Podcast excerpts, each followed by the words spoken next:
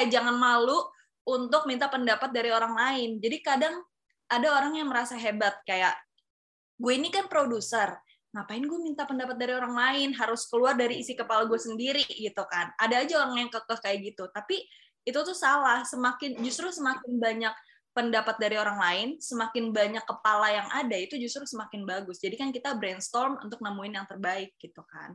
Jadi jangan malu untuk nanya ke orang lain, jangan malu untuk minta pendapat ke orang lain.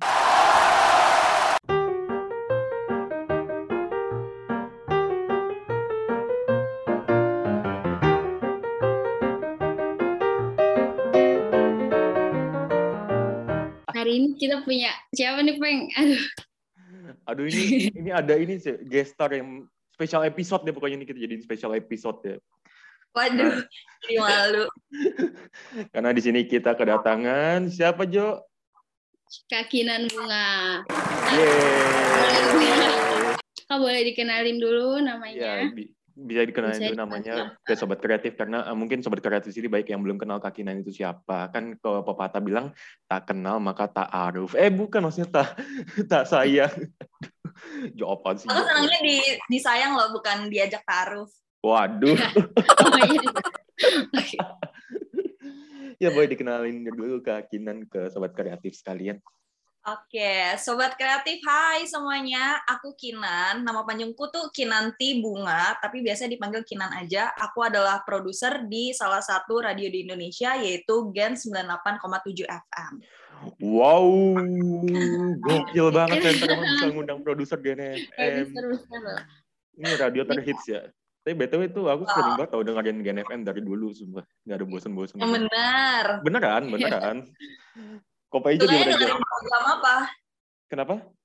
Sukanya dengerin program apa? Gak tau, biasanya iseng-iseng aja dengerin di mobil gitu. Gak pernah merhatiin programnya dulu. Ah, oke, oke.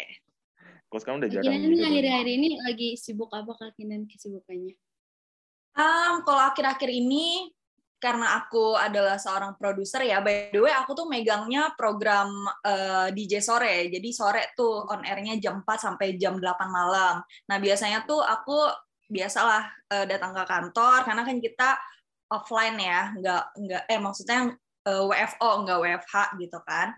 Eh, terus biasalah nyiap-nyiapin kebutuhan penyiar, mulai dari topiknya gitu kan, terus juga nyusun log-log siar. Kalau kita kan pakainya RCS tuh, jadi kita tuh nyusun log siar di dalam RCS. Di situ tuh kita misalnya masukin track A, B, C, D. Di situ eh, udah tersusun tuh nanti yang ke siar apa, apa, apa, apa gitu. Nah itu tuh yang harus kita jaga. Terus udah kayak gitu, selain itu, selain jadi produser, aku juga jadi barista. Oh, jadi barista Gimana? juga ya? Di mana nih, Kak? Iya. Sampingan aja ada di coffee shop daerah Tebet. Oh, boleh di dipromosin di sini sekalian nggak apa-apa. Oh, boleh. Kalau sobat kreatif mau eh, hangout bersama teman-temannya di kafenya tempat kakinan, Kakinan mungkin. boleh. Boleh, boleh. Boleh Kita banget, datang aja. Namanya Sodare Kopi, itu ada di Jalan Tebet Timur 3, nomor 42. Waduh, jangan lupa dicatat tuh ya sobat kreatif. Ntar kita juga tulis di deskripsi deh kalau lupa nih sobat kreatif ya kalau nggak bisa bacanya. Boleh, boleh, boleh. san, san, san, san, san, san, san, san. Kakinan kita mau nanya nih, kenapa sih awalnya bisa jadi produser di radio? Awal startnya. Oke. Jadi awalnya itu karena aku kan kuliah emang ambil broadcasting ya. Nah, terus ada salah satu penyiarku yang jadi dosen di kampus aku gitu kan. Hmm. Terus eh, karena emang aku tuh setiap naik mobil selalu dengerin radio gitu kan. Terus juga kayaknya campaign-campaign radio itu tuh kayak menarik banget gitu kan yang kalau misalkannya campaign TV ya udahlah biasa gitu kan. Campaign media sosial lain kayaknya udah biasa gitu. Tapi kalau misalkannya radio, bayangin radio itu kan eh, basicnya itu kan dari on audio ya. Ketika dia bikin campaign, entah itu campaign offline ataupun dari media sosial gitu kan, itu jadinya eh sorry ada noise ya nggak apa-apa. ada notif masuk.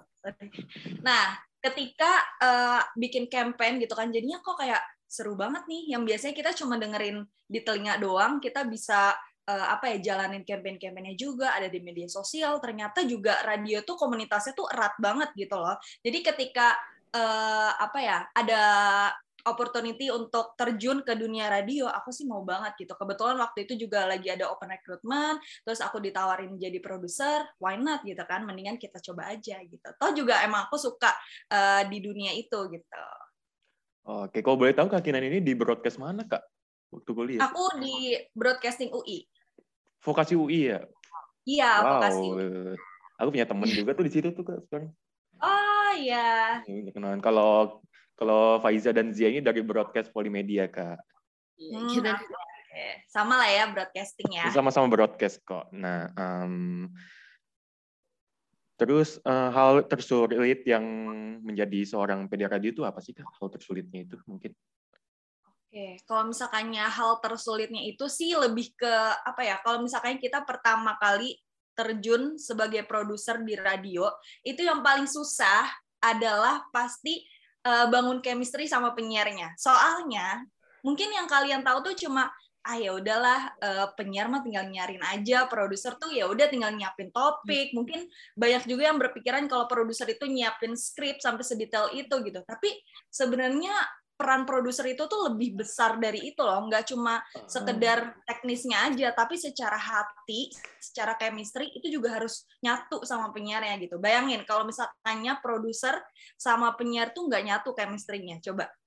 Kita tuh jadi nggak tahu apa sih maunya penyiar gitu. Penyiar ini maunya ke arah mana sih? Jangan sampai visi sama misi produser antara produser sama penyiar itu jadinya beda gitu kan. Jadi kita harus pertama tuh bangun chemistry-nya dulu dan itu lumayan sulit sih jadi emang takes time untuk kita kenalin karakter penyiarnya, penyiar ini lebih sukanya uh, ke topik-topik apa. Kalau misalkannya aku kan megangnya DJ sore ya. Setelah aku mengenal si penyiarnya, cari tahu, bangun chemistry gitu, ternyata Pak aku tahu kalau DJ sore itu dia lebih ke pembawaan topiknya tuh kayak yang lucu, yang ringan, yang humoris, terus juga yang relate dengan kehidupan sehari-hari gitu. Ketika kita udah tahu karakteristik penyiarnya, pasti nanti jatuhnya akan lebih gampang gitu. Hmm, oke berarti ini uh, Kak ini programnya kurang lebih sama kayak center ya, yang harus yang lucu-lucu. Padahal kita nggak lucu sama sekali sebenarnya. ada. kita bikin-bikin aja lucu ya, ya kan? Iya gak Jo? Sama tadi itu yang tadi Kak Kinan, Kak Kinan kasih tahu tuh sahabat kreatif tuh ya, jangan lupa tuh kok jadi penyiar radio tuh kayak gitu deh pokoknya ya. Oke, okay. yeah. Kak Kinan nih boleh jelasin nggak sih Kak teknis kerja produser di Gen FM kan? Mungkin beda dengan radio lainnya kan pasti ada yang beda gitu. Teknis kerjanya uh, gimana sih Kak kalau di Gen FM? Di kalau di, kalau day to day-nya sih biasanya uh, kita brainstorm dulu nih. Biasanya lebih ke karena kan kita ada grup ya. Kita ada grup, biasanya kita lempar-lempar topik di grup gitu. Terserah topik-topik menarik bisa yang lucu banget, bisa yang viral, bisa yang serius tapi masih relate ke kehidupan sehari-hari. Kayak yang aku sebutin tadi kan karakteristik karakteristiknya itu. Biasanya kita lempar-lempar topik di grup, nanti uh, pas di kantor penyiar mulai prepare untuk siaran, nentuin kira-kira kita mau bahas tentang apa gitu kan. Uh, terus udah gitu juga aku sebagai produser selain nentuin topik, aku juga nentuin kira-kira nanti di digitalnya mau seperti apa. Jadi kita nggak cuma ngeset di on airnya aja, di digitalnya juga kita harus pikirin mau bikin konten apa, mau ngebangun engagement kayak apa sama si audiens gitu kan. Nah terus kalau misalnya secara teknisnya banget, aku juga ada megangnya RCS. Jadi kita ada uh, satu apa ya software gitu namanya RCS. RCS itu kita uh, bisa masukin track-track yang tadi aku udah sebutin. Jadi misalkannya kan uh, pasti kalian udah tahu kan kalau misalkannya di setiap jam itu ada top of hour. Nah, hmm. itu tuh TLH biasa kita singkatnya. Itu biasanya di setiap awal jam, jam 4, jam 5, jam 6, jam 7, jam 8 gitu kan. Biasanya kita langsung masukin top of hour, terus abis itu masukin talk set talk set, jangan lupa lagu. Tapi kalau lagu itu biasanya udah di set sama MD. Nah itu tuh di jam-jam itu kita harus pastiin kalau penyiar jangan sampai under ataupun over. Karena kalau misalkannya under ataupun over, nanti itu bakal berpengaruh sama program selanjutnya gitu kan. Nah itu sih paling setelah masihin si Loxiar itu, selain itu juga kalau misalnya kita undang-undang bintang tamu gitu, aku juga harus prepare si bintang tamunya, bikin brief, bikin ini konten mau arahnya ke mana gitu. Terus selain itu juga kita harus koordinasi sama tim sales karena kan ada banyak iklan-iklan masuk tuh. Jadi nggak bisa kalau misalkannya kita uh, matanya atau pikirannya cuma fokus ke penyiar aja, kita harus ke tim-tim lainnya juga karena kan di sini sistemnya kolaborasi ya. Jadi ada tim sales juga, ada tim digitalnya juga gitu kan kita harus kolaborasi semuanya harus komunikasinya yang baik gitu oke kalau boleh tahu DJ sore itu setiap di hari minggu atau setiap hari sih kak atau setiap DJ weekend, sore itu setiap hari Senin sampai Jumat jam 4 sampai jam 8 malam oh tuh boleh tuh uh, sobat kreatif bisa di stay tune terus tuh kalau setiap jam berapa tadi boleh tahu? Jam 4 sampai jam 8. Jam 4 sampai jam 8 tuh. Ntar ada kakinan di situ ya guys ya pokoknya. Dengerin Jo. Ternyata, ternyata kerja produser banyak banget ya. Iya. Harus. banyak kan yang, yang kayak kalau jadi produser itu ah gampang paling cuma bikin script doang gitu. Tapi sebenarnya kalau uh, realnya ya jadi produser tuh justru malah nggak bikin script. Kita yeah. cuma lempar topik aja gitu. Tapi uh, kenapa nggak sedetail itu bikin script? Karena kan penyiar kan kalau misalnya lebih natural pembahasannya kan lebih bagus ya. Jadi nggak scripted gitu. That's why kita nggak pakai script. Jadi kita paling kasih misalkannya ada info di satu link atau mungkin ada di salah satu video viral gitu. Kita kirim aja videonya kita kirim aja linknya biar mereka yang kembangin sendiri gitu. Jadi biar nggak scripted banget gitu.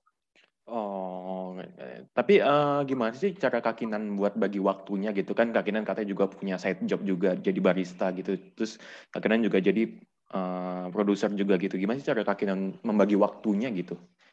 Oke, kalau misalnya soal bagi waktu ya, aku tuh biasa banget pasti semua orang akan bilang tentuin skala prioritas. Tapi ah, emang skala itu, prioritas ya, itu. Itu tuh pasti bener banget kalian harus tentuin dulu skala prioritasnya, mana yang harus kalian jalanin lebih dulu. Terus sudah kayak gitu, tapi jangan sampai jadi ngesepelein hal yang satunya gitu. Jadi kalau misalnya kayak aku, aku jadi produser, tapi aku jadi barista juga. Di salah uh, di satu sisi aku juga berperan sebagai seorang anak. Terus kalau misalnya kalian punya pacar, di satu sisi kalian berperan juga sebagai pacar. Nah tuh, Waduh. dibagi-bagi banget kan. Nah, di situlah kalian uh, harus nentuin skala prioritas mana yang harus dikerjain duluan. Terus juga ketika kalian punya waktu untuk entah itu untuk bekerja, entah itu untuk main, entah itu untuk istirahat, maksimalin waktu yang ada. Jadi kan biasanya kalian tuh nunda-nunda kerjaan. Ah ya udahlah, deadline-nya masih besok, kerjainnya nanti malam aja gitu kan. Kalau aku aku membiasakan diri untuk tidak seperti itu. Jadi aku selalu memaksimalkan waktu yang ada. Jadi kalau misalkannya nanti ada spare waktu uh, yang sisa gitu. Aku bisa pakai itu entah itu untuk main entah itu untuk nonton drakor gitu kan. Pokoknya yang jelas tentuin skala prioritas maksimalin waktu yang ada dan jangan lupa untuk sisain waktu untuk istirahat untuk main untuk hiburan. Karena kan kalau misalnya kerja terus kan juga lama-lama stres ya. Iya. Iya betul. Tuh Jo dengerin tuh Ji juga tuh. Oke kayak gini kayak gini itu kayak kalau lagi bikin materi kan pasti pernah nggak sih mentok atau nggak tahu nih materi apa yang mau dibawain? Itu tuh biasanya apa yang dilakuin kalau lagi kayak gitu? Sering banget sih lagi kalau misalkannya lagi bingung banget nih aduh nggak ada info apa-apa nggak ada yang viral kalau nggak ada yang menarik gitu kan. Biasanya aku langsung tarik eh, karena kan kalau misalkan di radio itu ada beberapa peran ya. Ada program director ada kreatif program director, ada produser, ada penyiar. Nah, biasanya aku kumpulin semuanya untuk kita brainstorming gitu. Jadi kayak tolong bantu dong nih kita mau cari info apa ya, kira-kira apa yang menarik ya. Karena kan setiap orang kan pasti kepalanya beda-beda, referensinya juga pasti beda-beda gitu. Oke, jadi uh, jadi produser saat ini sudah menjadi cita-cita kakinan atau uh, kakinan memang kayak udah apa sih kayak di radio ini memang udah jadi cita-cita kakinan apa atau tidak gitu? Iya sih, uh, sejauh ini sih aku nyaman banget, aku happy banget jadi produser di radio, uh, terutama di Gana FM. Ini emang udah jadi zona nyaman aku banget sih gitu. Oh oke, okay. jadi kayak kakinan tuh punya hal yang nggak bisa dilupain nggak sih selama bekerja jadi uh, produser gitu? Ada nggak kira-kira? Intinya juga bakal dikangenin kayak. Hmm. Mungkin lebih ke ini ya, kalau misalkannya hal yang ringan-ringannya, kalau misalkannya apa ya, ada waktu kosong sama penyiar gitu kan, kita tuh biasanya suka nyanyi-nyanyi bareng, terus kadang juga pesan makan bareng, jadi kita makan bareng, kebersamaan-kebersamaan kayak gitu sih. Tapi kalau dalam hal besarnya ya, yang mungkin gak akan aku lupain adalah ketika aku ngundang uh, ada jadi di Gen FM tuh ada namanya Gen On Talk ya. Jadi itu tuh hmm. konten on air juga sama konten YouTube juga. Di situ tuh kita ngundangnya Mbak Ita Purnamasari. Itu kan legend banget ya. Wow. Rock legend Indonesia kan, Ita Purnamasari. Terus di situ aku bisa ketemu langsung sama Mbak Ita, terus bisa ngobrol langsung terus dia juga kasih aku buku dan itu menurut aku hal-hal kayak gitu loh yang kayaknya kalau orang lain belum tentu deh dapat kesempatan sebesar ini kayak yang aku dapetin gitu kan. Mm-hmm. kayak gitu sih. Terus juga ketemu sama artis-artis besar sih yang menurutku yang gak akan aku lupain karena kan kita dapat pelajaran juga dari situ. Kayak contohnya aku juga pernah ketemu sama Erwin Gutawa. Dia hebat banget sih parah. Ketemu sama orang-orang hebat kayak gitu tuh menurut aku nggak bisa tergantikan dengan apa pun Hmm, gitu ya. Keren banget. Keren banget Kak Kinan. Terus Kak Kinan punya saran nggak sih buat sobat kreatif di sini yang mungkin kan kayak yang dari radio gitu, yang dari broadcast kan banyak gitu yang mau di posisi seperti Kak Kinan gini. Kayak Kakin, Kak Kinan punya tips and trick nggak sih gitu biar bisa jadi uh, produser gitu? Atau step-stepnya gitu boleh? Um, Oke, okay. mungkin ini yang selalu aku kasih tahu ke teman-teman aku ataupun ke adik tingkat aku adalah perluas jaringan. Jadi perluas teman, jangan cuma jadiin teman itu sebagai teman nongkrong aja, jangan jadiin teman itu sebagai teman hangout, teman hahihi aja gitu kan. Tapi jadiin teman itu sebagai koneksi. Jadi kalau misalkannya kamu punya banyak koneksi, uh, otomatis kamu jadi punya opportunity juga kan. Itu juga yang aku lakuin. Jadi aku selalu maintain hubungan aku dengan entah itu teman sekolah, teman kuliah, bahkan sampai dosen, sampai asisten dosen pun aku selalu maintain komunikasi sama mereka gitu. Jadi makanya kenapa aku sekarang bisa jadi produser itu kan tadi aku udah cerita aku dapat opportunity ini dari dosen aku yang mana ternyata dia adalah penyiar di radio aku sekarang gitu kan jadi kayak kita tuh nggak nggak akan pernah tahu deh tiba-tiba opportunity kita itu akan datang dari mana, dari siapa, kita nggak akan pernah tahu. Jadi saran dari aku untuk teman-teman semua adalah maintain hubungan sebaik-baiknya dengan siapa pun itu orang di sekitar kamu, karena kita nggak akan pernah tahu nanti ke depannya orang itu akan berperan jadi siapa di hidup kita gitu. Jadi jadi orang yeah. baik iya, aja lah. Eh. Tapi uh, Kak Kinan sendiri punya harapan nggak sih gitu buat uh, radio di Indonesia gitu? Oh, ada sih. Pastinya ada ya. Uh, harapannya adalah semoga semakin banyak ya yang aware kalau radio itu masih ada loh dan ada jutaan juga orang yang masih dengerin radio gitu.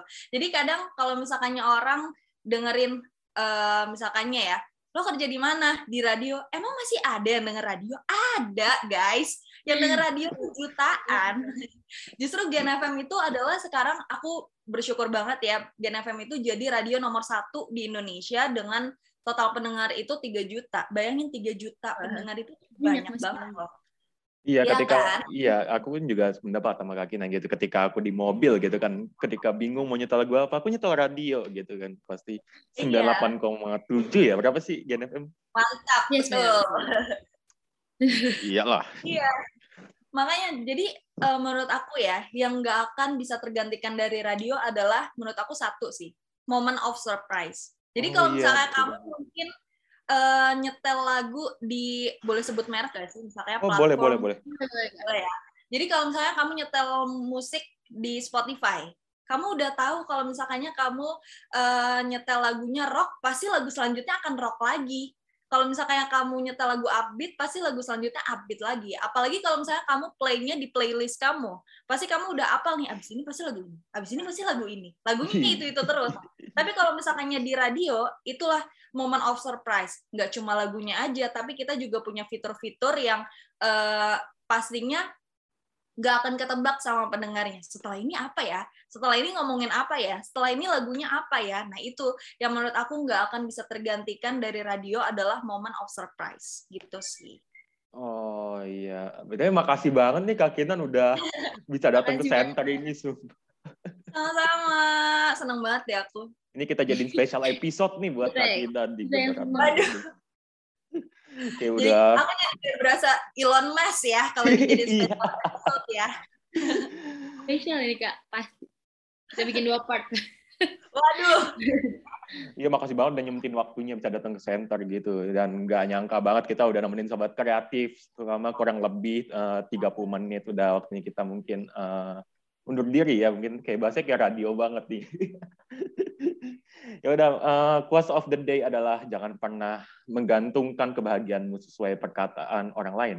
Ikuti kata hatimu sendiri maka kau akan tenang dengan dirimu sendiri.